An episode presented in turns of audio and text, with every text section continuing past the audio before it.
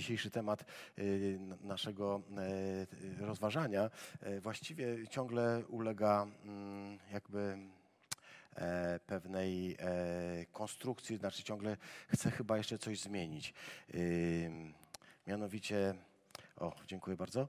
Mianowicie właściwie to chciałem zatytułować ten, ten dzisiejszy, te dzisiejsze rozważanie Elizeusz pod tytułem okulista. E, ale niech zostanie na razie zamknięte oczy. Jeśli by Wam jednak pasowało bardziej okulista, to będę wdzięczny. Może kiedyś zrobię ranking swoich tytułów i zapytam, które najbardziej Wam się podoba. Nieraz mam kilka tytułów do rozważania i nie wiem po prostu, które wybrać. Najchętniej bym włączył kilka i byśmy oglądali kilka, ale to bez sensu tytuły nie są najważniejsze. Zaproszę do drugiej Księgi Królewskiej, bo jesteśmy w cyklu e, Elizeusz, więc wiadomo, że będzie druga Księga Królewska. To chyba nie jest od, od e, specjalnym problemem. E, hura. Jeśli mnie słyszycie, to pomachajcie do mnie tam stamtąd, z tamtej drugiej strony, z, z tych telewizorów, odbiorników, telefonów i innych rzeczy. Pomachajcie. Nie machają. Mm może oczy zamknięte e, albo okulista, właśnie, to któryś z tych tematów. E, przeczytamy fragment z drugiej Księgi Królewskiej, e, rozdział 6, wiersze 20-23, od 20 do 23 konkretnie. Elizeusz prosił Pana i modlił się, otwórz oczy tych ludzi, niech zobaczą. I otworzył Pan oczy ich i zobaczyli, że są w samym środku Samarii. Gdy król izraelski ich zobaczył, powiedział do Elizeusza, mój ojcze, czy mam ich zabić? Odpowiedział, nie zabijaj. Czy to ty mieczem lub łukiem wziąłeś ich do niewoli, abyś miał ich zabić? Daj im jeść i pić, niech się posilą i niech idą do swojego Pana. Przygotował więc dla nich wielkie święto. Jedli i pili, a potem wrócili do swojego Pana i już więcej bandy z Aramu nie nękały ziemi Izraela. Alleluja. Amen. Dziękujemy Ci, Panie Boże Wszechmogący, za Twoje słowo, które kierujesz dzisiaj także do naszych serc. Panie, niech Twoje słowo jak miecz przenika nasze serce i pokazuje nam, w jakim miejscu jesteśmy, aby też wskazał nam, co musi się zmienić, co musi ulec przemianie, ale też w czym możemy Ci bardziej służyć i Ciebie bardziej wielbić, bo tego chcemy. Pozwól nam, by nasze myśli poszybowały dziś wysoko do Ciebie, by nasze serce otworzyło się na Twój głos i abyśmy usłyszeli Twoje słowo. Prosimy Ciebie o to, Ojcze, w imię Chrystusa. Amen. Y, ten tekst, y, który przeczytaliśmy, jest y, oczywiście takim tekstem, który mieści się w szerszej jednostce, to jest jakaś jakby końcóweczka pewnej historii. I tę historię dzisiaj chciałbym sobie z wami przeczytać, ale no, nie chciałem czytać całego długiego, rozłożystego tekstu na początek. Będziemy go stopniowo sobie analizować. Chcę się zapytać, yy, słuchacie tego yy, rozważań, tych rozważań, tego słowa o Elizeuszu, wcześniej o Eliaszu, yy, czy w ogóle to słowo sprzed trzech tysięcy lat. Ono w ogóle jeszcze dociera do nas, tutaj do Fromborka, daleko na, gdzieś na, na, na północy? Czy to jest takie słowo, że ono, że ono tak już, jakby powiedzieć, taką, takim, tak jak strzała pod koniec, tak już powolutku, już tak, tak gdzieś, jak, jak tam, trafia w serce? Jak siekiera. Dziękuję bardzo. Prosto siekiera w serce. Bardzo się cieszę. Y, Przemek powiedział, jak siekiera. Cieszę się bardzo, bo mnie też ono trafia. Jak czytam za każdym razem, myślę sobie, wow, jak aktualne, jak fajne, jak, y, jakby na dzisiaj, jak na teraz. Y, nie, nie, chcę, myślę, że y, wszyscy wiemy, żyjemy w trudnych czasach. Nie chcę mówić o trudnych czasach, w tym, e, jakby powiedzieć, próbować rozwikłać zakład, zagadkę tego, co się dzieje teraz, tak? Że opowiedzieć o tym i spróbować e, znaleźć jakąś odpowiedź, e, czy znaleźć odpowiedź na to, nie wiem, dlaczego jest tak, jak jest i tak dalej. Myślę sobie, ja chciałbym się zanurzyć w słowie. Podoba mi się taka scena z przeszłości, głębokiej przeszłości pewnego rabina, rabin Akiba. On był prześladowany e, za sprzyjanie powstańcom w czasie e, wojny e, Bar Kochby. To są lata 32 wieku. Był prześladowany, został złapany, został uwięziony i torturowany. Jedną z tortur, jaką zastosowano, to oczywiście nie dawano mu nic jeść i nic pić. Aż wreszcie w pewnym momencie jakiś żołnierz się zlitował i przyniósł mu kubek wody do picia. I ten wziął ten kubek wody, po czym obmył sobie ręce nim. I tamten mówi, czemu? Nie chciało ci się pić? Mówi, pić mi się chciało, ale jeszcze bardziej chciało mi być, e, chciało mi, chciałem być czysty. Jeszcze bardziej chciałem być czysty. E, dla Żyda e, ta e, rytualna nieczystość, to, że jest dotykany przez nieczystych, powoduje, że on by chciał po prostu, no pić mu się chciało. Bardzo. Ale jeszcze bardziej chciał być czysty. Ja myślę, że kiedy przychodzimy do Słowa, ojcowie Kościoła od zawsze mówili, że jedną z funkcji słuchania Słowa, jedną z funkcji czytania Słowa, jedną z funkcji Słowa jako takiego, tego, który mamy spisanego, jedną z funkcji Słowa jest oczyszczanie. Może to wiąże się z tym, co zrobił Pan Jezus. Pamiętacie, kiedy obmywał stopy swoim uczniom i jeden mówił, że y, on, on, on nie będzie chciał. Mówi Jezus, że y, tak, jesteście czyści y, przez słowo, ale musicie też dać sobie umyć stopy. Jesteście czyści, ponieważ słowo ma taką zdolność, że nas, nas oczyszcza. Samo czytanie, rozważanie. Oczywiście, jeśli to robimy automatycznie i tak bez zamyślenia, no możemy czytać wszystko, prawda? To nie ma większego znaczenia. Ale wiemy, że jeśli zaczynamy wchodzić w słowo, to jest troszkę jak wtedy, kiedy wiesz, włożysz ręce pod kran i wyjmiesz. To nie umyjesz, nie? Żeby umyć, musisz zostać na chwilkę pod tą wodą. Musisz pozwolić, by jej strumień zaczął ciebie opłukiwać. Musisz się na niej skupić. Jedną z rzeczy, które na pewno uczymy się teraz, mm, choć wydawało się, że doskonale umiemy, to to, że musimy zachować jakąś odpowiednią higienę. I była taka, jakby na początku tego wszystkiego, co się teraz dzieje, y, szereg takich y, instrukcji, jak należy myć dłonie. Pamiętacie, nie? Że samo takie włożenie pod wodę i umycie mydłem tak w ten sposób nie chroni, nie zabezpiecza. Trzeba bardzo dokładnie z góry. Jak patrzyliście na przykład, myślę, że to się y, trafiało na lekarzy, którzy przygotowywują się do operacji, czy przygotowują ręce, to zawsze widzieliście, że oni nie tak po prostu ciach, ciach, tylko bardzo szczegółowo każdy paluszek. Coś takiego dzieje się, kiedy podchodzimy do słowa. Kiedy zaczynamy czytać słowo, ono ma taką funkcję, że oczyszcza nas, ale pod takim warunkiem, że robimy to powolutku i że robimy to jednak dość dokładnie. To znaczy nie po prostu tak mm, po łebkach, bo może się okazać, że takie mycie nie ma większego sensu. To wam też powiedzą ci, którzy się higieną zajmują. Potrzebujemy się na chwilkę nad tym skupić. Zgadzacie się? Ze słowem jest właśnie tak. Musimy trochę wejść w ten klimat i pozwolić, by to słowo zaczęło nas oczyszczać. A wtedy funkcją słowa jest to, że y, usuwa y, brud. Zaczynamy czytać słowo, zaczyna usuwać brud. Ktoś powiedział tak, jeśli twoja Biblia jest rozwalona, to twoje życie będzie w całości. Jeżeli twoja Biblia jest cała, to twoje życie będzie rozwalone. Po prostu e, czytanie słowa, e, rozważanie, rozmyślanie, podkreślanie, zakreślanie i inne rzeczy skupianie się na słowie daje to, że człowiek zaczyna jakby poddawać się tej duchowej higienie. Ona jest bardzo cenna. Dlatego dzisiaj też poddajmy się tej duchowej higienie i po prostu spędźmy trochę czasu na, na rozmyślaniu, na rozważaniu. Pozwólmy, żeby nasze myśli teraz e, nie wędrowały po całym świecie i po wszystkich sprawach, które są, tylko starajmy się zdyscyplinować nasze myśli, dobra? Zdyscyplinować je, skupić je na tym, y, co, co czytamy, żeby ta woda słowa mogła nas rzeczywiście oczyścić, bo myślę, że to jest niezmiernie cenne. Y, pozwólcie, że zacznę oczywiście od mapy, bo tak jakby nie inaczej. Tym bardziej, że akurat ta historia ma konkretną jakby geografię.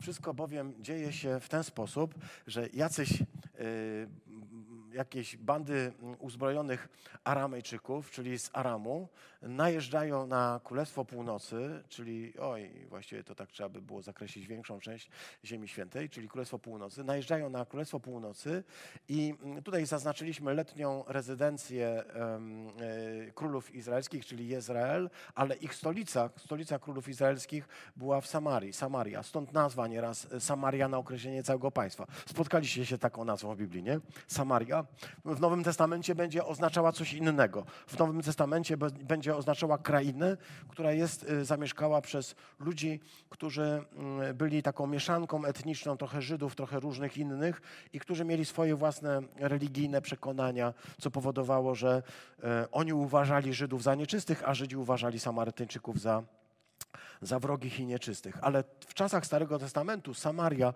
to po prostu stolica państwa izraelskiego, tego państwa północnego. Rzecz zaczyna się w Dotanie. Będzie tam mowa o tym Dotanie za chwilkę.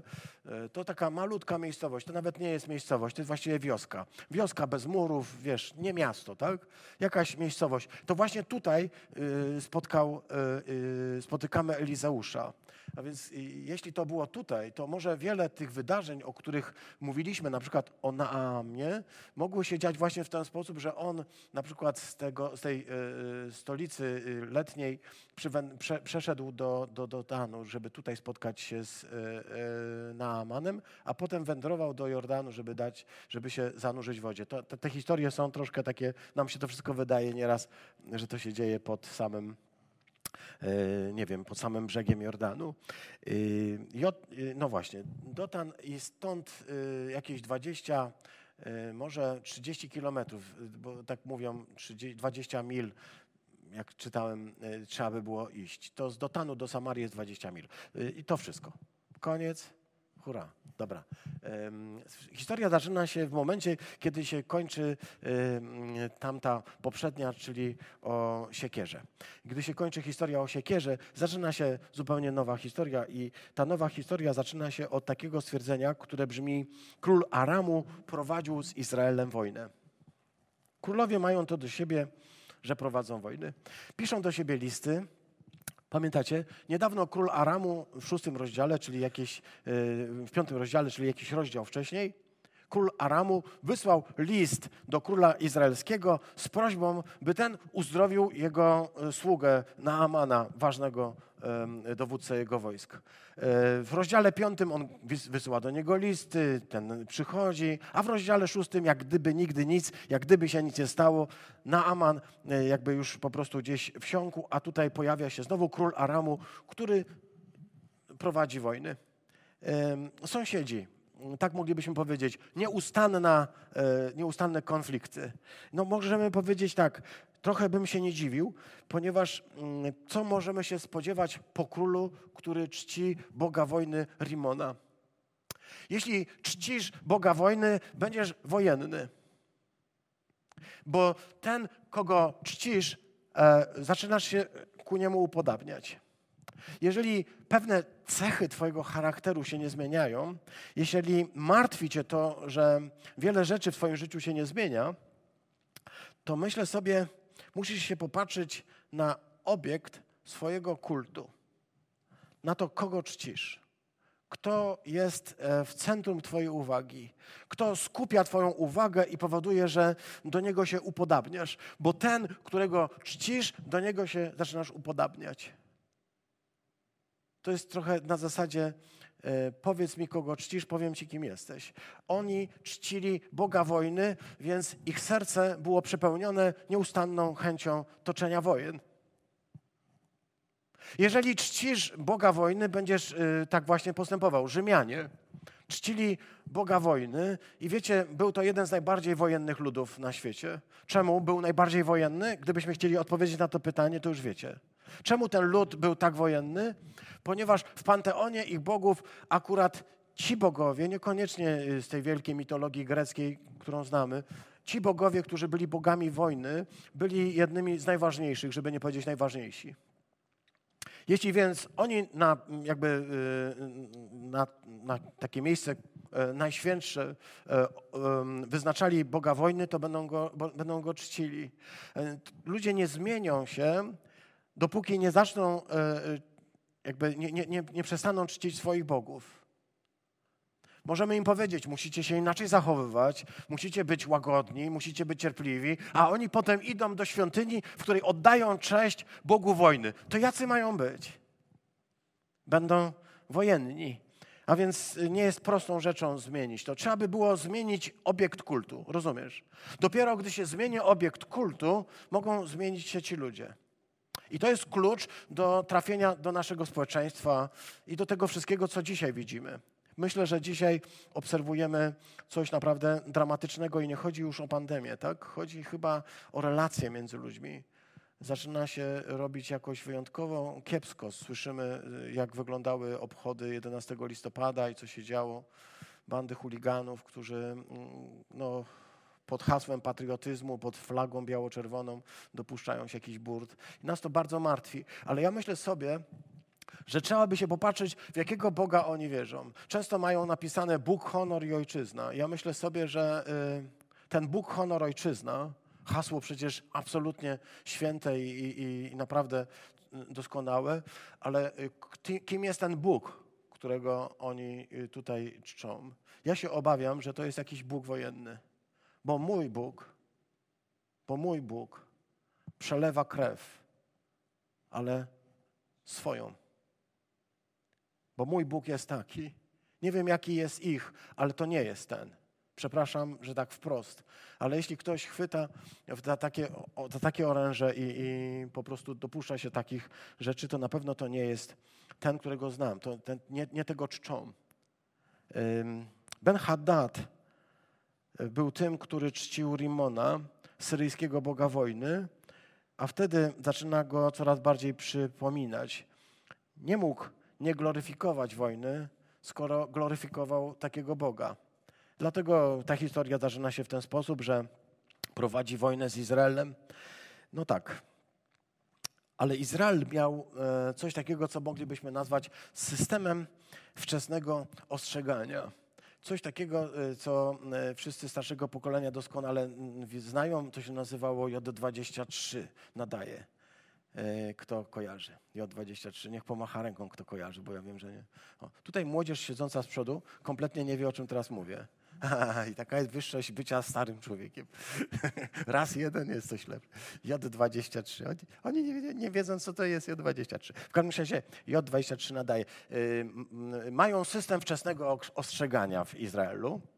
Dokładnie moglibyśmy powiedzieć, że oni mają jednostkę specjalną, ta jednostka specjalna to Elizeusz, dokładnie jedna jednostka.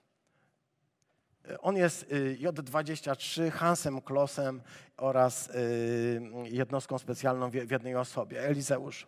Bo y, król tutaj wpada na taki pomysł, że mówi tak, rozbije obóz w jakimś miejscu i kiedy on tam idzie rozbić obóz w tym miejscu, to się okazuje, że Izraeli, Izraelczycy wiedzą już, że tam nie mają być. Tutaj jest nawet wręcz napowiedziane, że król posyła na to miejsce swoje sługi, by ostrzec mieszkańców, i ci widocznie po prostu się wycofywali z tamtego miejsca, bo to jest taki stan permanentnej wojny. Jedna z tych takich najgorszych rzeczy, jakie dzieją się mm, w czasie takich wojen podjazdowych, kiedy takie bandy napadają, wiecie, na pograniczu. To są te takie bardzo nieprzyjemne rzeczy. Siały strach, siały niepewność. I myślę, że jesteśmy Panu Bogu wdzięczni za to, że rzeczywiście żyjemy w czasach pokoju, że dzisiaj nie ma takich sytuacji, w której musielibyśmy takie konflikty przeżywać. Ale co powiemy na to? Taka nieustanna wojna podjazdowa. Y, napadają na Bogu ducha winnych mieszkańców, zbiorą do niewoli, mordują. Po prostu y, taki permanentny stan niepokoju. Zależy Bogowi wojny na permanentnym stanie niepokoju. Ci, którzy są przez tego Boga wykorzystywani, będą wciąż najeżdżać i będą wciąż y, wywoływać zamieszki. Jesteśmy wdzięczni Bogu za to, że żyjemy w czasach pokoju, ale z drugiej y, strony chyba mamy głęboką świadomość tego, że rzeczywiście to jest pokój troszkę mm, momentami pozorny, bo my tak naprawdę toczymy wojnę. I tutaj ta historia mówi o tym, że król posyła na to miejsce sługi, by ostrzec mieszkańców i powtarza się to raz, drugi, aż wreszcie król dochodzi do genialnego wniosku. Naprawdę y, Abwera też do takiego doszła w pewnym momencie, to ci, którzy wiedzą o czym mówię. Mianowicie król Aramu był wstrząśnięty faktem, obrotu sprawy, że jak tam nie pójdzie i nie próbuje zaatakować, to nikogo nie ma. Znowu nikogo nie ma. Ktoś ewidentnie ostrzega tych ludzi i oni e, po prostu na czas e, chronią się. Wreszcie zadaje takie pytanie swoim e, dowódcom, swoim sługom, jak tu jest powiedziane, czy nie poinformujecie mnie, kto z nas jest po stronie króla izraelskiego. Czy wreszcie ktoś mi nie zdradzi imienia tego zdrajcy, który donosi każde słowo, co my tutaj wypowiadamy, ktoś donosi. Tak się chyba zaczyna stawka większa niż życie. Ktoś donosi. Trzeba po prostu wykluczyć kogoś, kto donosi. Yy, on się tak zastanawiał, zastanawiał, a jeden ze sług powiedział tak: No nie, mój panie królu, nie, to no wiadomo, Elizeusz. Elizeusz, ten prorok Izraela, on informuje króla izraelskiego o wszystkim, o czym ty mówisz. Nawet jak ty coś mówisz w sypialni, to on to wszystko wie, on to wszystko słyszy. Moglibyśmy powiedzieć, chyba go trochę przeceniają. Ale pamiętacie, że nasza myśl idzie w tę stronę, żeby zobaczyć, że ten Elizeusz jest dla nas typem Jezusa Chrystusa. Już to zwróciliśmy na to uwagę kilka razy, więc dzisiaj to znowu wychodzi, bo ten Elizeusz urasta tutaj do rangi kogoś, kto wszystko śledzi, kto wszystko wie. Nie powiesz ani słowa nawet w swojej sypialni, żeby on już czegoś nie wiedział. To pokazuje głęboki związek Elizeusza z Bogiem, jakby powiedzieć w ten sposób jak, jaki sposób Elizeusz może y, to wszystko wiedzieć? Chyba tylko w jeden. Jest wsłuchany w Boga. Jeśli Bóg jest wszechwiedzący, to on, będąc wsłuchany w Pana Boga, może usłyszeć rzeczy, które dzieją się gdzieś tam w ludzkiej duszy. I chcemy powiedzieć, że jeśli Elizeusz miał taką zdolność i taką możliwość, żeby tak na bieżąco śledzić różne sytuacje, o ile bardziej Chrystus Jezus bo to zależy od stopnia bliskości z Bogiem. Im bliżej z Bogiem, tym bardziej wsłuchany w Jego głos, stajesz się do Niego podobny. Elizeusz właśnie dlatego mógł usłyszeć, a jego modlitwy mogły być wysłuchane, ponieważ był blisko Boga. To nie jest takie proste, jak się nam nieraz wydaje, że wystarczy po prostu tylko, e, nie wiem, pomodlić się i już.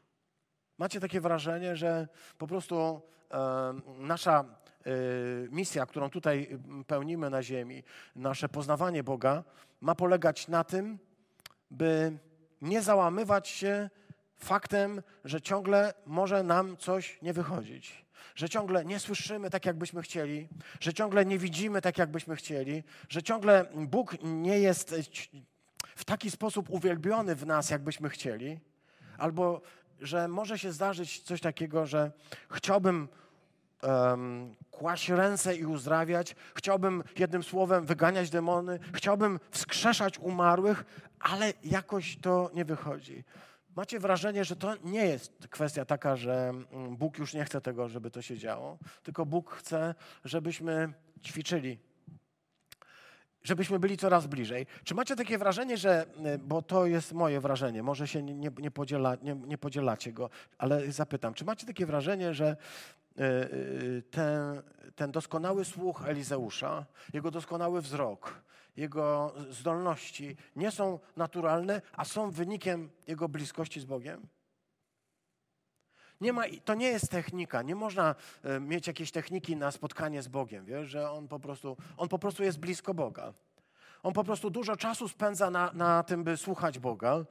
I dlatego może pewne rzeczy yy, słyszeć, dlatego może pewne rzeczy widzieć, dlatego jego modlitwa jest na czas wysłuchiwana, ponieważ jest blisko Boga. Im bliżej Boga, nie jest tak, że my możemy robić, zajmować całym światem, a potem powiemy, Panie, zrób jeszcze to i Pan Bóg robi. Tak by było fajnie, ale to by było tylko pozornie fajnie.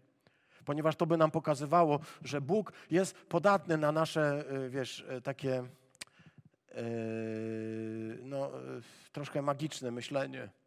Albo że Bóg jest podatny na, na, taką sytuację, kiedy wiesz, leżysz przed sklepem zabawkami, tłuczesz głową o, i rękoma walisz i mówisz daj mi to, daj mi to, daj mi to. I myślisz, że, że, że Pan Bóg to, to zrobi, ponieważ ty będziesz głową walił o.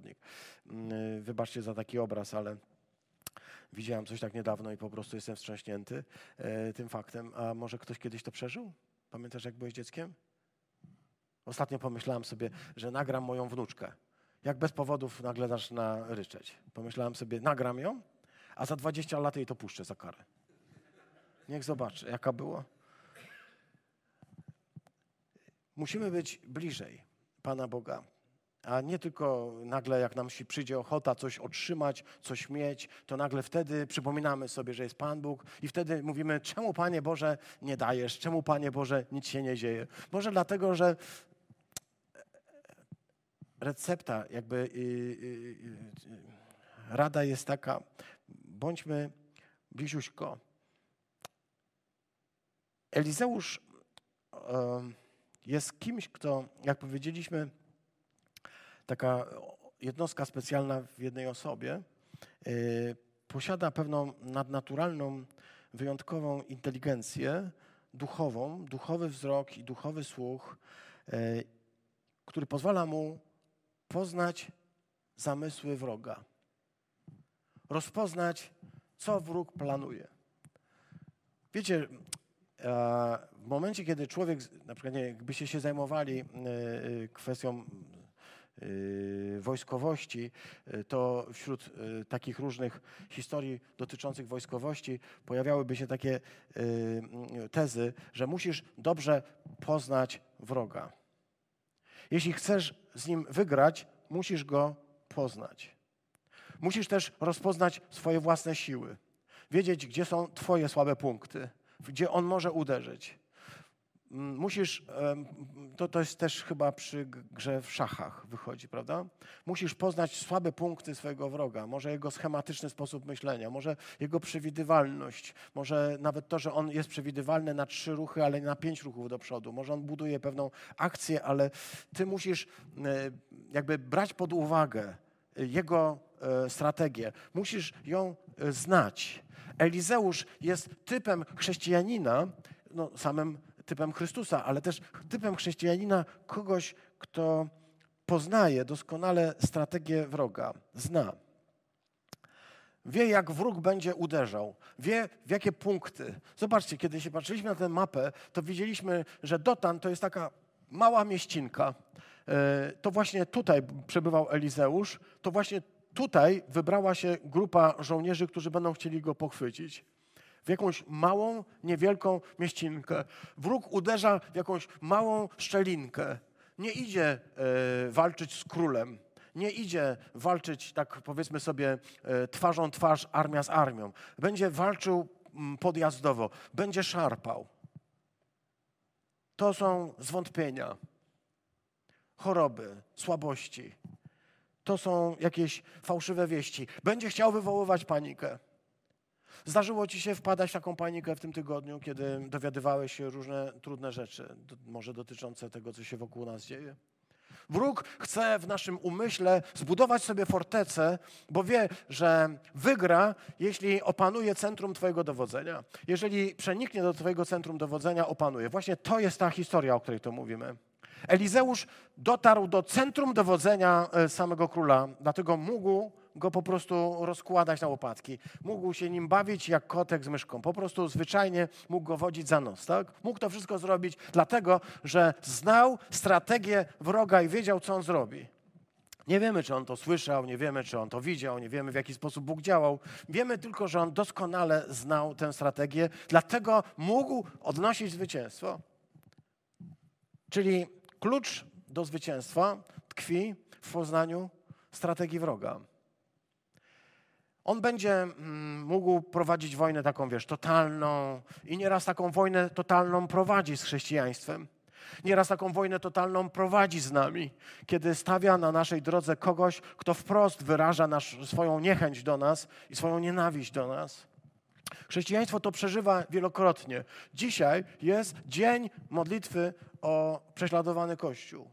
Dzisiaj jest dzień modlitwy o wszystkich braci naszych, którzy z powodu dramatycznych okoliczności nie mogą być y, tak jak my dzisiaj na nabożeństwie, czy to tutaj, czy, czy nie mogą być w ogóle na żadnym nabożeństwie, spędzają czas w więzieniu lub są poddani jakimś innym presjom, opresjom. Dzisiaj obchodzimy ten dzień, ponieważ widzimy, że wróg potrafi uderzyć całą mocą tak po prostu prosto w twarz. To jest jego strategia. Ale my żyjemy tutaj nieprześladowalni.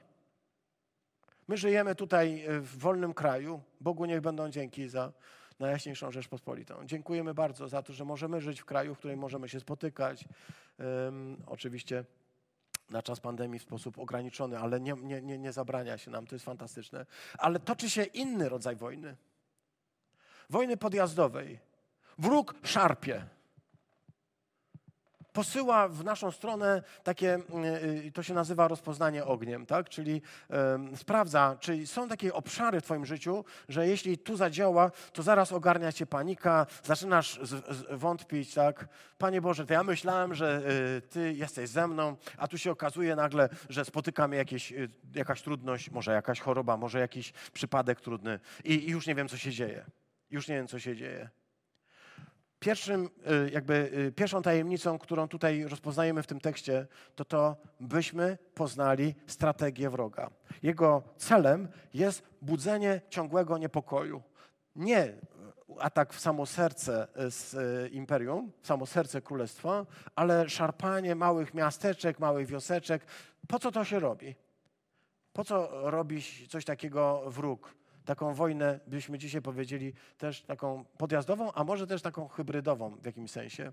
Udaje, że to nie on, wiesz, przebiera się za jakichś ludzików i coś tam robi, niby nie, nie, nie, nie, nie działa, niby nie, nie, nie, nie prowadzi wojny, a prowadzi. Taki rodzaj wojny. Diabeł prowadzi bardzo różne wojny i on będzie zmieniał strategię w zależności od tego, w jaki sposób my się tutaj zachowujemy. Więc będzie nas próbował też i w taki sposób podjazdowy, i w taki sposób niepokoić wciąż. Rozsyłać będzie e, różne e, zwątpienia. Jeśli więc pojawia się zwątpienie, jeśli się pojawia jakiś taki symptom e, jakiejś paniki albo czegokolwiek, to wiedz, że mm, on, on ciągle działa. Jeśli w ogóle pojawiają się w tobie takie postawy y, gdzieś tam y, y, bliskie panice, zwątpieniu albo utracie wiary, no to to są jego strzały. On tak po prostu trafia. Może dlatego, że nie jesteś zbyt pilny lub nie brałeś pod uwagę tego, że rzeczywiście toczy się wojna. Rozmawiałem z ludźmi, którzy mi nieraz mówili, to ja już nic nie wiem, to ja już nie wiem, czy Pan Bóg rzeczywiście mnie kocha, czy Pan Bóg rzeczywiście chce, żebym był zdrowy, czy Pan Bóg rzeczywiście chce, żebym się modlił, czy Pan Bóg chce, żebym się modlił o ludzi, ja się modlę, nic się nie dzieje. I co, co się wtedy dzieje z człowiekiem, który ma takie wątpliwości? Ma do wyboru tylko dwie drogi. Bardzo proste, tak? Przestać się modlić albo zacząć się modlić. I nie ma innej, tak? Bo pewnym momencie stwierdza tak, ta modlitwa nie działa. Po czyjej stronie jest wina?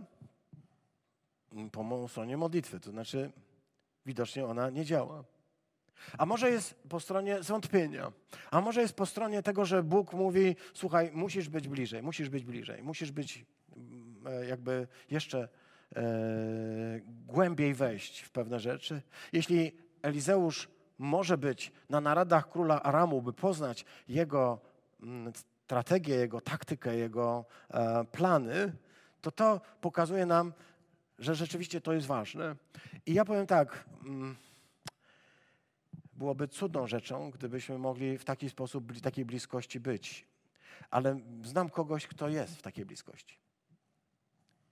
Znam kogoś, kto ma taką zdolność, że słyszy, co mówi wróg. Ma na imię Gedeon. Oj, miał być Jezus, nie? Ma na imię Gedeon. Pamiętacie Gedeona? Y, mój ulubiony bohater Starego Testamentu. Jego Pan Bóg wychowywał w wyjątkowy sposób. To jest po prostu fenomenalne, jak się to czyta. Po prostu można też i boki zrywać ze śmiechu, kiedy się czyta to, co y, Pan Bóg robi z Gedeonem, w jaki sposób z nim prowadzi rozmowę. Po prostu kiedyś wrócę do tego Gedeona, bo y, pamiętam, rozważałem Gedeona, jak mnie Arku słyszysz, to ty pewnie wiesz, kiedy to było w Rzemieniu, ale ja tam nie pamiętam. Myślę, że może było 20 lat temu, więc może po 20 latach warto wrócić do, do tego rozważania rozważania i sobie przypomnieć Gedeona. Ale teraz przypomnę tylko jedną historię, bardzo taką fajną. Nie będę jej czytał, ale pozwólcie, zbuduję na niej pewną myśl. Mianowicie e, Gedeon był człowiekiem przestraszonym. Który y, y, zgadza się na to, żeby Pan Bóg go używał, ale wciąż jest takim człowiekiem za przeproszeniem, Panie mój. Jeśli Ty jesteś ze mną, to czemu mi tak źle? Jeśli Ty jesteś z nami, to czemu nam się ciągle coś nie udaje? Za przeproszeniem, Panie mój, to jest ulubione słowo Gedeona, za przeproszeniem, Panie mój. A więc za przeproszeniem, Panie mój, jeśli ja mam być tym wodzem e, i mam pokonać tych y, Midianitów i jakichś innych, którzy najechali na nasz kraj, jak ja mam to zrobić? I w pewnym momencie Pan Bóg mówi do niego tak, e, idź pokonaj tych Midianitów, którzy tam są w dolinie, idź ich pokonaj. Ale jeśli się boisz, mówi Pan Bóg, bo to jest już któreś tam spotkanie, już Pan Bóg wie, że on się boi. Więc, ale jeśli się boisz, to weź, e, podkradnij się pod strażę i posłuchaj, co mówią. Pamiętasz? Tam ci strażnicy stali na warcie i opowiadali sobie sen. To Księga Sędziów, szósty rozdział. Opowiadali sobie sen. Jeden mówi tak, wiesz, miałem taki głupi sen. On może nie powiedział głupi, ale on był głupi ten sen, to znaczy z pozoru. Mianowicie śnił mu się taki wielki bochen chleba widocznie głód i tak dalej. Wielki bochen chleba. Wiesz, bochen jest okrągły, nie? My mamy dzisiaj bochenki takie, ale to był okrągły, duże okrągłe. I mówi, i ten bochen chleba nagle stoczył się ze wzgórza i wpadł na nasze namioty i wszystkie rozwalił. A drugi mówi, to znaczy, że to Gedeon. I on tak siedzi, Gedeon, w tych krzakach, przestraszony, i słucha, jak oni opowiadają o tym, co im się śni i e, jakie mają nastroje. I czego się dowiaduje Gedeon od tych ludzi, od, przez ten sen? Dowiaduje się, że oni po prostu są zupełnie przestraszeni. Oni są pewni klęski. Chcę ci powiedzieć, że to jest ta pewność, którą ma diabeł, że przegrał. On może wyglądać jak ktoś, kto toczy walkę, ale on już wie, że przegrał. On zna pismo. On wie, że przegrał. I teraz kwestia jest taka: chodzi jak lew ryczący. Nie jest lwem ryczącym, tylko jak. W tym sensie nie jest lwem, który ma siłę. Jest kimś, kto chce przestraszyć jak lew. Kto chce budować wokół, siebie, wokół ciebie takie napięcie, żebyś nie wiedział o co chodzi, żebyś zaczął się bać. I żebyś myślał, że tak naprawdę to już jesteś przegrany. A ja chcę Ci powiedzieć, to wszystko dlatego, że On nie chce być sam w tym piekle. Chce zabrać jak najwięcej ze sobą. Stań prosto, Jezus mówi, nie bój się, sprzeciw się Mu. Y, Piotr mówi, sprzeciwcie się Mu. Stańcie i powiedzcie, precz. Ważne słowo. Czytaliśmy to niedawno w psalmie. Jeśli tego nie powiesz, będzie ciągle chodził i mruczał, będzie ciągle chodził i ryczał, będzie ciągle chodził i straszył. Wstań wreszcie i powiedz precz. Nie zgadzam się na to, żebyś mnie ciągle nagabywał, żebyś mnie ciągle straszył, bo nie możesz już nic zrobić. Taka jest prawda. Już nic nie możesz zrobić. Możesz już tylko straszyć, możesz już tylko udawać, ale tak naprawdę jesteś pokonany. Jak ta armia, która jeszcze miała namioty, których jeszcze wszyscy byli obuci i uzbrojeni, ale już wiedzieli, że przegrają. Mówię tutaj o samych takich um, ulubionych tekstach. Jest taki cudowny tekst z Księgi Jozułego, który opowiada o pewnej kobiecie, która uratowała dwóch zwiadowców. Może pamiętacie? Piękny tekst. Ona mówi do nich tak: e, schowajcie się, pod, e, ukryła ich pod tam e, konopiami na, na dachu i wmówiła swoim żołnierzom, tym, których król wysłał do niej, żeby sprawdzili, co się dzieje, wmówiła im, wmówiła im, że oni uciekli że ci dwaj zwiadowcy, którzy byli, byli, byli, jeden był taki mały, krępy, tak, pamiętam, a drugi taki, no, taki z wyglądu podobny do nikogo, tak. Oni byli, dwaj, uciekli, tamtędy uciekli. Słuchajcie, kurzyło się za nim, biegnijcie, a jak ich dopadniecie, to pozdrówcie ode mnie. Mam na imię Rahab. Hello. I oni, rozumiesz, wzięli i dali drapaka za nimi, a ona wróciła na ten dach, zdjęła te konopie i mówię, dobra, a teraz słuchajcie, idźcie w drugą stronę. A jak już wrócicie, to pamiętajcie o mnie. Ponieważ wiem, że zdobędziecie to miasto. A jak je zdobędziecie, to mam prośbę. uratujcie mnie. Wiem, że to miasto padło. Ona bardzo dziwne rzeczy opowiada.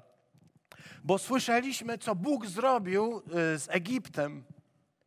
Słyszeliśmy, co Bóg zrobił z Amonitami. Słyszeliśmy, co Bóg zrobił z królami Moabu. Co Bóg zrobił, gdy szliście. My wiemy, że idzie potężna armia, nie dlatego, że jesteście dobrze uzbrojeni, tylko dlatego, że Bóg jest za wami. Wiemy, że przegraliśmy. Dlatego ukryła tych ludzi, ponieważ wiedziała, że Jericho padnie. Była bieżącą osobą, ponieważ wierzyła w to, że Bóg, który idzie za Izraelem, jest Bogiem totalnego zwycięstwa i zwycięża. Ona, kobieta, nierządnica z jakiegoś Jericho, wiedziała, kim jest Bóg Izraela. Dlaczego? Bo słyszała, co Bóg robił. Izraelici byli przestraszeni, nie wiedzieli, co zrobić. A ona, ta kobieta, wiedziała już, co się stanie. Dlaczego? Bo dotarła do centrum, do centrum dowodzenia. Tam, gdzie jest baza, gdzie e, podejmowane są decyzje. Poznała. I ty też jesteś w tym miejscu. Nie jesteś w gorszej sytuacji niż ona. Nie jesteś w gorszej sytuacji niż Gedeon. Nie jesteś w gorszej sytuacji niż Elizeusz. Ty też znasz dalszy ciąg tej historii. Ty wiesz, co się może zdarzyć, ale życie potrafi nas okrutnie zaskakiwać. I wysłuchasz w niedzielę kazania, przeczytasz w poniedziałek tekst, ale we wtorek zaczynasz myśleć, że nie wiadomo, czy to działa. I wtedy nic się nie stanie, bo diabeł szarpie w takiej wojnie podjazdowej, ciągle chce ci coś odebrać. On będzie cię niepokoił, będzie siał panikę, będzie siał niechęć, będzie siał nienawiść, będzie różne rzeczy robił, żeby zaczął wątpić. Bo to jest jego sposób. Kiedy król zorientował się, że Elizeusz jest w Dotanie, wysłał tam armię. Pewnie nie była taka znowu tam nie wiadomo jak liczna, ale to były konie, jest napisane Rydwan. No, ja przetłumaczyłem Rydwany, bo rzeczywiście wszyscy bibliści idą w tę stronę, więc niech tak będzie. Rydwany. Może tam był jeden Rydwan. W każdym razie wioska nieduża, konie, rydwany i oddział, oddział ciężko zbrojnych, czyli nie jakiś tam po prostu miotacze kamieniami, tylko dobrze uzbrojeni żołnierze. Przybyli w nocy, jak zwykle. Diabeł zawsze działa w nocy. Przybyli w nocy, w nocy otoczyli miasto, budzisz się rano, a tutaj jest zupełnie inna historia. I tutaj jest y, bardzo fajny tekst mówiący o tym y, młodzieńcu, o y, nieznanym imieniu, młodzieńcu, który wpada w panikę. To ach, które tutaj się pojawia, nie? Ach, panie, co to zrobimy? Ach, to jest takie zawołanie, którego nasze ach nie oddaje, bo my mówimy ach, no, Janki. To jest raczej, no wiesz co, nawet nie powiem, bo wszystko, co bym powiedział, coś takiego, ojej, coś takiego koniec, po nas. Ale tutaj możesz sobie podłożyć swoje oja. Yy, jesteśmy w kościele, więc zachowujmy się. O Panie, co my teraz robimy? Miało być tak fajnie. Ja dziękuję. I koniec. Już po nas. Hm. Widzisz, e, jeśli Elizeusz jest typem Chrystusa, e, to ja mogę być typem tego sługi. E, bardziej będzie ci pasować, bo gdybym powiedział, że ty możesz być typem tego sługi, to by ci nie pasował. Jeśli Elizeusz jest Chrystusem, to ja jestem takim typem tego sługi, który kompletnie nie wie, co teraz robić. Przychodzi nowe doświadczenie, wróg zaczyna się objawiać, pokazywać swoje rogi, zaczyna rzeczywiście warczeć, już widać, że to nie przelewki i nagle stwierdzam tak, miało być tylko wojna podjazdowa, coś tam się miało szarpać, miało być jakieś zwątpienia, panika, ale nie coś takiego, że staje twarzą w twarz z armią. No jak ja, ja, zaraz, jak ja sobie poradzę? Ja nie mam szansy. Więc on mówi, no dobra, no a co teraz, nie? To jest trochę, przypomina nam te historie, które znamy z Ewangelii, kiedy przychodzi Jezus do swoich uczniów i widzi tysiące ludzi głodnych i mówi, dajcie im jeść, nie? No i co oni mówią? No dobrze, panie, ale jak? Jak można nakarmić yy, tysiące ludzi? Tutaj jest coś takiego, jak mogę pokonać? No właściwie, więc trzeba by było powiedzieć tak, no trzeba, tutaj w tym momencie kończy się historia Elizeusza. Taki był fajny, tak mu dobrze szło, no ale przyszła kryska na Elizeusza i się po prostu skończyło. Może tak myślał sobie nawet ten yy, młodzieniec. I wtedy Elizeusz robi to, co wszyscy dobrze znamy, mianowicie modli się. Modli się, e, ponieważ deklaruje coś niesamowitego, coś, co musi zostać obrazem w naszym życiu na zawsze. Niech to zostanie na zawsze w Twoim życiu. To słowo, które tutaj jest tak wyróżnione grubością, wielkością czcionki. Nie bój się, gdyż liczniejsi są ci, którzy są z nami, od tych, którzy są yy, z nimi. To jest to słowo, które chciałbym, proszę Was, żebyśmy zachowali w naszych sercach, kiedy przychodzą na nas większe i poważniejsze doświadczenia niż tylko jakieś szarpanie, yy, bo to jest, yy, cóż, mogę się o, o, o, oprzeć, kiedy już widzę wroga twarzą w twarz, kiedy widzę cały atak nieprzyjaciela na siebie, kiedy widzę pędzącą huzarię i kiedy myślę, że już nie ma szans, to wtedy pomyśl sobie, a tych, którzy są ze mną, jest więcej niż tych, którzy są z nimi. W takiej sytuacji odnieść zwycięstwo. Przypomina mi się Chrystus na krzyżu i to jest Elizeusz tutaj, który ma możliwość i może powiedzieć jednym słowem wezwać legion aniołów i uspokoić całe to zamieszanie. Ale on ma coś jeszcze większego niż legion aniołów. On ma za sobą Boga, Jego wolę. I jest gotowy uznać, że te, ten, tego legionu nie będzie wzywać, ponieważ oddał się w opiekę samemu Wszechmogącemu. I to, co robi Elizeusz, bo my się nie zatrzymujemy nad tym, a szkoda, to byłoby fajne. Myślałem o tym, żeby podzielić ten tekst na pół, ale pomyślałem sobie, a dobra. Elizeusz się pomodlił. Pomodlił się o tego swojego młodzieńca, o tego swojego sługę. Wiecie, ten obraz przypomina mi oczywiście Chrystusa, który nieustannie modli się za swój Kościół, nieustannie wstawia się. To, że my w pewnych momentach jesteśmy ogarnięci paniką, kiedy w niektórych momentach widzimy, że zaczyna się robić naprawdę niedobrze i kiedy zaczynamy tracić pewność, czy, czy jeszcze przetrwamy, Jezus się modli. Tego nie widzisz. Może tego nie słyszysz. Może o tym nie pamiętasz. A może nawet nie wiesz o tym. Ale chcę Ci dzisiaj powiedzieć, Jezus się modli. On nieustannie wstawia się za nami, tak mówi słowo. On nieustannie trwa w boju za tobą, żebyś wytrwał. Ty sobie żyjesz, myślisz sobie, hmm, czy Pana Boga interesuje, a czy w ogóle ja zajmuję Pana Boga, czy Jego myśli gdzieś są wokół mnie, a On nieustannie wstawia się za Tobą, nieustannie walczy o Ciebie, nieustannie modli się o Ciebie, aż Mu trochę jest przykro, kiedy słyszy w pewnym momencie, a ja nie wiem, czy ja Pana Boga obchodzę, a ja się nieustannie wstawiam za Ciebie, mówi do Ciebie, a ja się nieustannie wstawiam, żebyś wytrwał. Nie wątp. Otwórz oczy Panie, otwórz jego oczy, niech zobaczy. I Pan otworzył oczy i zobaczył. To, co zobaczył, było absolutnie przepiękne, ponieważ ci te rydwany, czy tam konie, czy ci ciężko zbrojni, najlepiej wyposażeni na tamte czasy, a za nimi stały rydwany ognia. Kto zna rydwany ognia, wie, że to piękne jest. Po prostu fenomenalne. Rydwany ognia. Całe wzgórze pełne ognia. A oni tego nie widzą. Im się wydaje, że są uzbrojeni, bo mają jakieś miecze, a ci mają, rozumiesz, to jest Gwiezdnych Wojen takie. Co są dopiero sprzęty? Ale Elizeusz na tym nie poprzestał, poszedł dalej. On zszedł do nich, do tych, którzy chcieli go e, wziąć do niewoli, e, do tych, którzy chcieli go przeprowadzić do króla e, i żeby go skazać, wiesz, to jest po prostu jednak J23, który okazuje się bardziej agentem 007. To już taka mocna historia, ale nie będę tego kontynuował. Elizeus szedł do nich, modląc się tak. Dotknij ich, proszę panie, ślepotą. Dotknij tych pogan ślepotą. Czytam ten tekst i myślę sobie, wow, to znaczy, że co, oni nagle wszyscy przestali widzieć?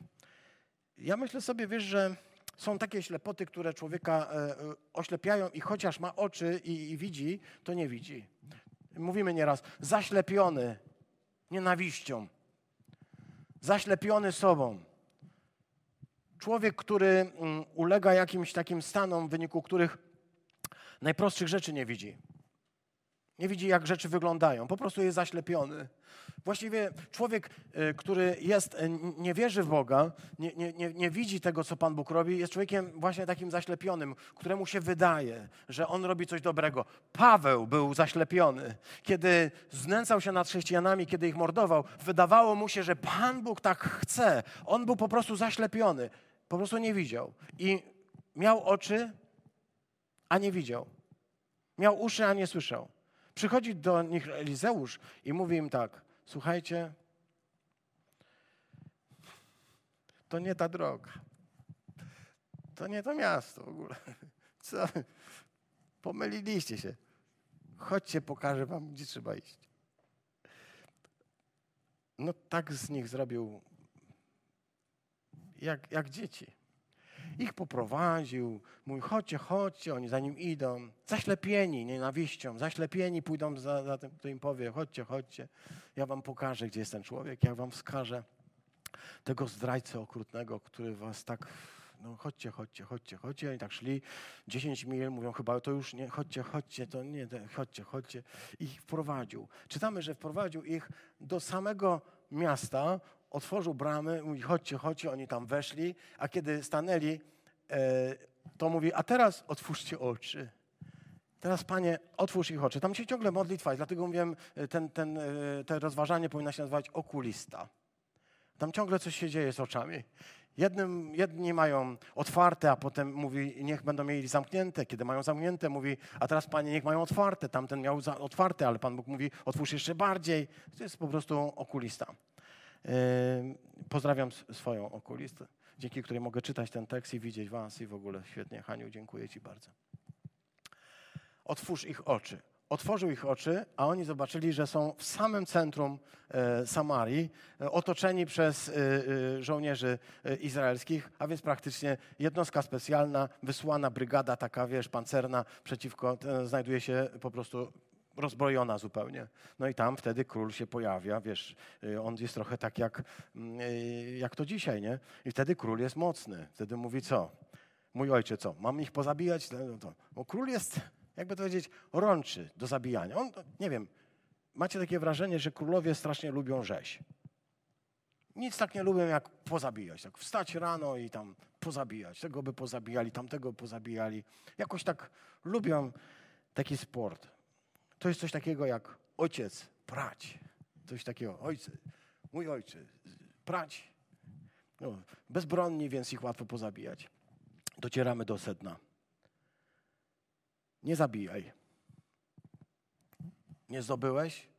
Nie tykaj. Zamiast tego daj im jeść i pić. Niech się posilą i niech odejdą skąd przyszli.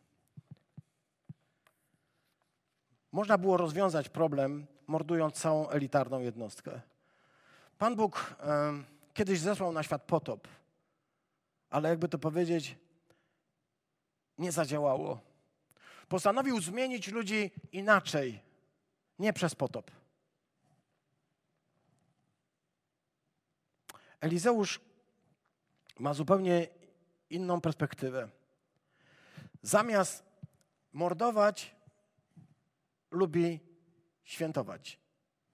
I mówi, przygotował król dla nich wielkie święto. Możemy powiedzieć wielką ucztę, ale tam dosłownie jest powiedziane, zrobił dla nich wielkie święto. To znaczy nie tylko dał im chleba i wody, ale zrobił święto. Pobił zwierzęta, jakieś takie cielaki, wiesz, przygotował dużo ciasta, śmietany, masła, wszystkiego tego, co Abraham zrobił dla tych swoich. Pamiętasz, co on tam zrobił? Oprawił jakiegoś tam cielaczka, jednego, drugiego, masło, śmietanę, chleby, nagotował, nabiegał dla wrogów. Chcę się was zapytać, czy wydaje się wam, że Elizeusz czytał kazanie na górze? Hmm, to też w Biblii.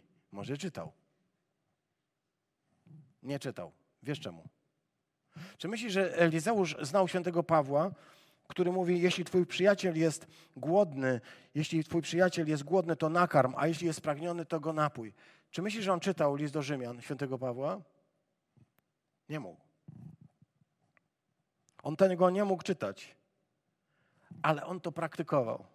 To pokazuje nam ciągłość Starego i Nowego Testamentu. To nie jest tak, jak się wydaje, że w Starym Testamencie okrucieństwo, okrucieństwo, okrucieństwo, a w Nowym Testamencie wszystko jest cacy i pięknie. Nie, to jest ciągle to samo. Elizeusz, który jest typem Chrystusa, o którym tutaj mówimy, jest też kimś, kto w tym, tym tekście, kimś, kto praktykuje to, o czym potem zostanie rozpisana Ewangelia Mateusza czy, do, czy list do Rzymian. Mianowicie, możesz pokonać wroga, możesz go zabić, ale będziesz miał następnego i następnego. Ale większą sztuką jest zrobić z niego przyjaciela.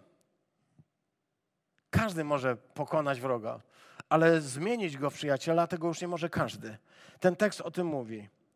Czy Twoja etyka jest etyką e, Elizeusza, jest etyką e, Nowego Testamentu, jest etyką Jezusa? Czy to ciągle jest etyka talionu? Etyka, która mówi oko za oko, ząb za ząb. On mi to zrobił, ja mu to zrobię.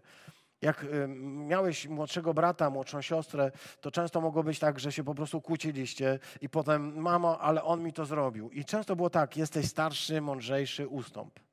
Ale dlaczego ja mam ustąpić? No bo on jest głupszy i młodszy, no. Tak, mój starszy brat tu siedzi. On jest młodszy, głupszy. Po prostu ty powinieneś być bardziej rozsądny. Czy posługujesz się w swoim życiu duchowym ciągle prawem talionu? Nie, nie, nie, nie. Ja jestem chrześcijaninem. Ale w praktyce, w codzienności, jak ci szef nadepnie na odcisk, masz ochotę go zabić? Jeśli ktoś tam stanie na światłach czerwonych i nie rusza, masz ochotę podejść i po prostu gwiznąć? Chcę, chcę się zapytać szczerze, masz, masz takie tendencje? Oko za oko, w pracy za pracy, w domu, w samochodzie, na ulicy? Masz coś takiego? Bo to są rzeczy, które musimy przerobić. To nie jest wstyd. Powiedzmy tak. Tak, ciągle jest coś w nas takiego, że po prostu bardziej nam, bliżej nam do talionu, do tego, że oko za oko, ząb za ząb, siniec za siniec, rana za rany. Ciągle nam bliżej do tego. To jest naturalny człowiek. To jest właśnie ten stary człowiek, który się włącza.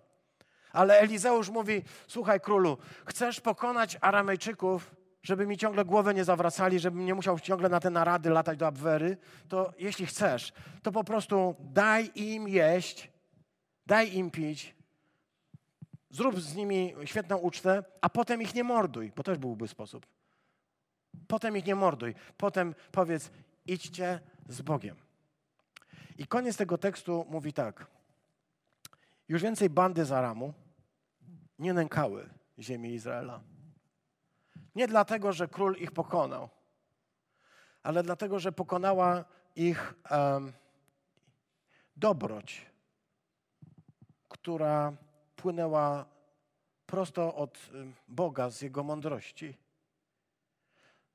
Dlatego święty Paweł, może pod wpływem tego, co tu czytamy, napisał dobro, yy, przepraszam, zło dobrem zwyciężaj. To nie są słowa popiełuszki. Kiedyś tak przeczytałem. Zło dobrem zwyciężał.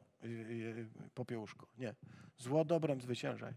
Święty Paweł Starsu. Bóg chce, żebyśmy się tego nauczyli. To jest bardzo trudna sztuka.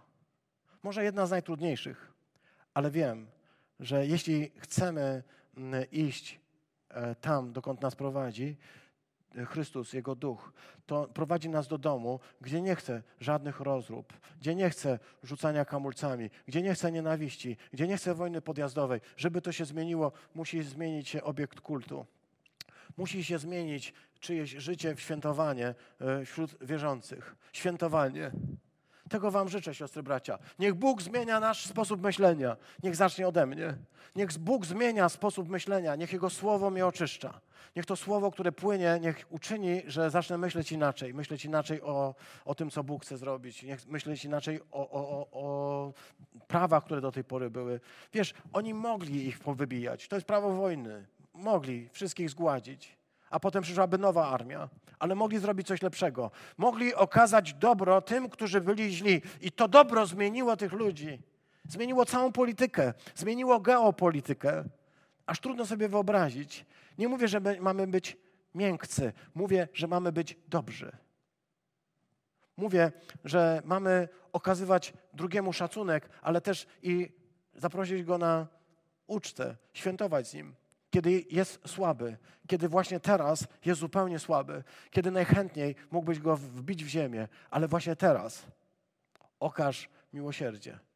Zachowaj je wobec człowieka, który dzisiaj e, ledwie zipie. Może był Twoim wrogiem, może był, zrobił Ci wiele krzywdy, ale pamiętaj, jeśli Twój nieprzyjaciel łaknie, nakarm go, a jeśli pragnie, daj mu pić. Amen.